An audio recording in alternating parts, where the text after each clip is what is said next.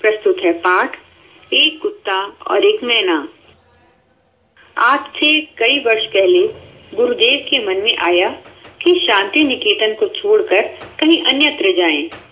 स्वास्थ्य बहुत अच्छा नहीं था। शायद इसलिए यह पता नहीं क्यों तय पाया कि वे श्री निकेतन के पुराने तिमंजिले मकान में कुछ दिन रहे। शायद मौज में आकर ही उन्होंने यह निर्णय किया हो वे सबसे ऊपर के तल्ले में रहने लगे। उन दिनों ऊपर तक पहुँचने के लिए लोहे की चक्करदार सीढ़ियाँ थी और वृद्ध और क्षीण बपू रविंद्रनाथ के लिए उस पर चढ़ सकना असंभव था। फिर भी बड़ी कठिनाई से उन्हें वहाँ ले जाया जा सका। उन दिनों छुट्टियाँ थी। आश्रम के अधिकांश लोग बाहर चले गए थे। एक दिन हमने सपरिवार उनके दर्शन की ठानी। दर्शन को मैं जो यहाँ विशेष रूप से दर्शनीय बनाकर लिख रहा हूँ, उसका कारण यह है कि गुरुदेव के पास जब कभी मैं जाता था तो प्रायः वे ये कहकर मुस्कुरा देते थे कि, दर्शनार्थी है क्या?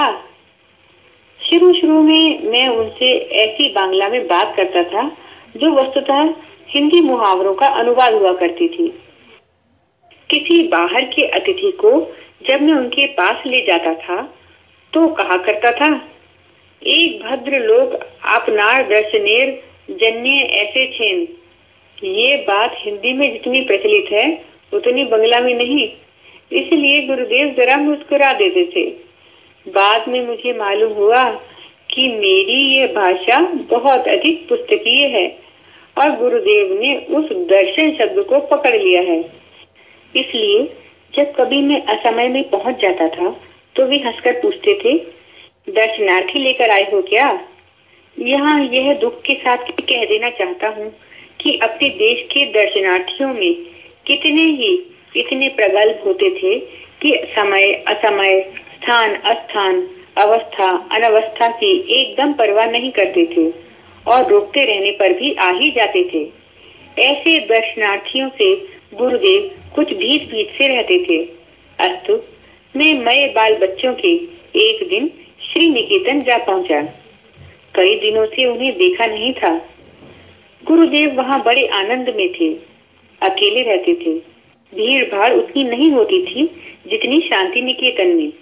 जब हम ऊपर गए तो गुरुदेव बाहर एक कुर्सी पर चुपचाप बैठे, अस्तगामी सूर्य की ओर ध्यान स्थिमित नैनों से देख रहे थे। हम लोगों को देखकर मुस्कुराए। बच्चों से जरा छेड़छाड़ की, कुशल प्रश्न पूछे और फिर चुप हो रहे।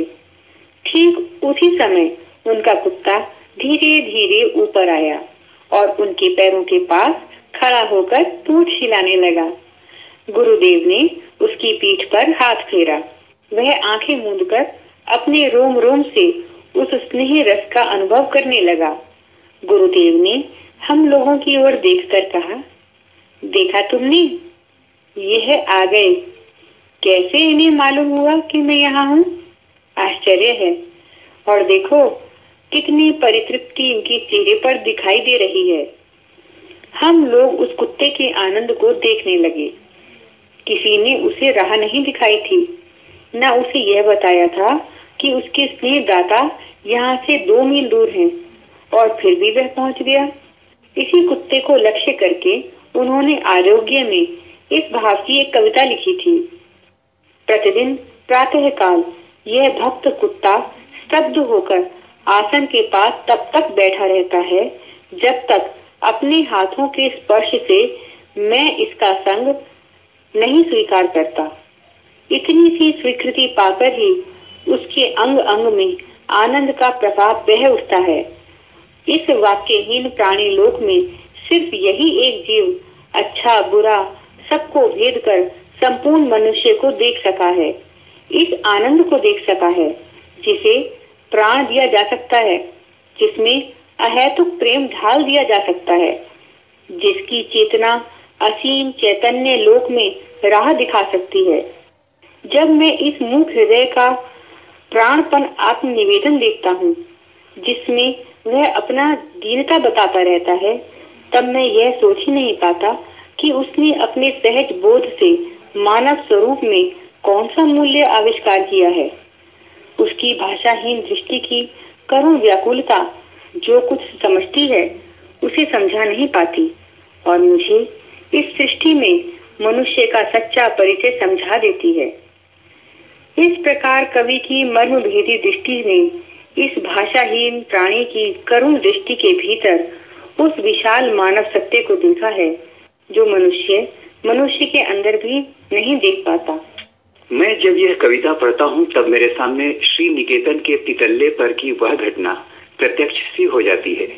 वह आँख मूंद कर, अपरिसीम आनंद, वह मूक हृदय का प्राणपन, आत्मनिवेदन, मूर्तिमान हो जाता है। उस दिन मेरे लिए वह एक छोटी सी घटना थी।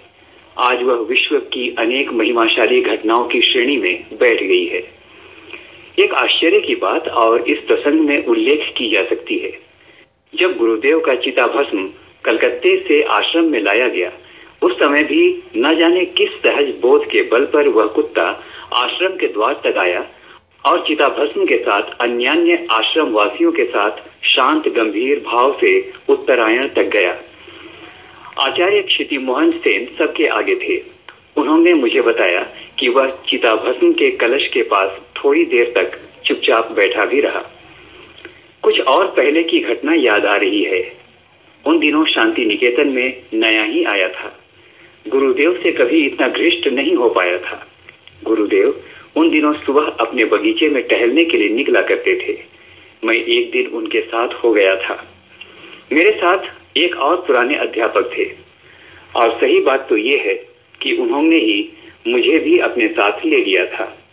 गुरुदेव एक एक फूल पत्ते को ध्यान से देखते हुए अपने बगीचे में टहल रहे थे और उक्त अध्यापक महाशय से बातें करते जा रहे थे।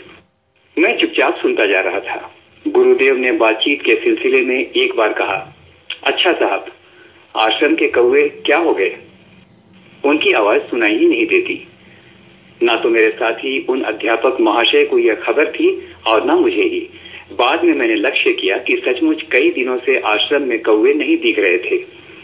मैंने तब तक कौओं को सर्वव्यापक पक्षी ही समझ रखा था। अचानक उस दिन मालूम हुआ कि ये भले आदमी भी कभी कभी प्रवास को चले जाते हैं या चले जाने को बाध्य होते हैं। इस लेखक ने कौओं की आधुनिक साहित्यिकों से उपमा दी है, क्योंकि इनका मोटो है निश्चित फॉर, निश्चित फेक। शरारत के लिए ही शरारत। तो क्या कौओं का प्रवास भी किसी शरारत के उद्देश्य से ही था? प्रायः एक सप्ताह के बाद बहुत कौए दिखाई दिए। एक दूसरी बार मैं सवेरे गुरुदेव के पास उपस्थित था। उस समय एक लंगड़ी मैना फुदक रही थी। गुरुदेव ने कहा, देखते हो, यह यूथ भ्रष्ट है। रोज फुदकती है। ठीक यही आकर मुझे इसकी चाल में एक करुण भाव दिखाई देता है। गुरुदेव ने अगर कहना दिया होता तो मुझे उसका करुण भाव एकदम नहीं दिखता। मेरा अनुमान था कि मैना करुण भाव दिखाने वाला पक्षी है ही नहीं, वह दूसरों पर अनुकंपा ही दिखाया करती है। तीन चार वर्ष से मैं एक नए मकान में रहने लगा हूँ। मकान के निर्माताओं ने दीवारों में चारों ओर एक एक सुराख छोड़ रखी है। यह कोई आधुनिक वैज्ञानिक खतरे का समाधान होगा। सो एक मैना दंपति नियमित भाव से प्रतिवर्ष यही गृहस्थी जमाया करते हैं। तिनके और चीथड़ों का अंबार लगा देते हैं। भले मानस गोबर के टुकड़े तक ले आना नहीं भूलते। हैरान होकर हम सुराखों में ईटे भर देते हैं, परंतु वे खाली बची जगह का भी उपयोग कर लेते हैं। पति पत्नी जब कोई एक तिनका लेकर सुराख में रखते हैं तो उनके भाव देखने लायक होते हैं। पत्नी देवी का तो क्या कहना? एक तिनका ले आई तो फिर एक पैर पर खड़ी होकर जरा पंखों को फटकार दिया। चोच को अपने ही परों से साफ़ कर लिया। और नाना प्रकार की मधुर और विजयोद्घोषी वाणी में गान शुरू कर दिया। हम लोगों की तो उन्हें कोई परवाह ही नहीं रहती। अचानक, इसी समय, अगर पति देवता भी कोई कागज़ का या गोबर का टुकड़ा लेकर उपस्थित हुए, तब तो क्या कहना? दोनों के नाच, गान और आनंद नृत्य से सारा मकान मुखरित हो उठता। इसके बाद ही पत्नी देवी जरा हम लोगों की ओर मुखातिब होकर लापरवाही भरी अदा से कुछ बोल देती हैं। पति देवता भी मानो मुस्कुराकर हमारी ओर देखते हैं, कुछ रिमार्क करते हैं और मुँह फेर लेते हैं। पक्षियों की भाषा तो मैं नहीं जानता पर मेरा निश्चित विश्वास है कि उनमें कुछ इस तरह की बातें हो जाया करती हैं। पत्नी ये लोग कैसे यहाँ आ गए जी?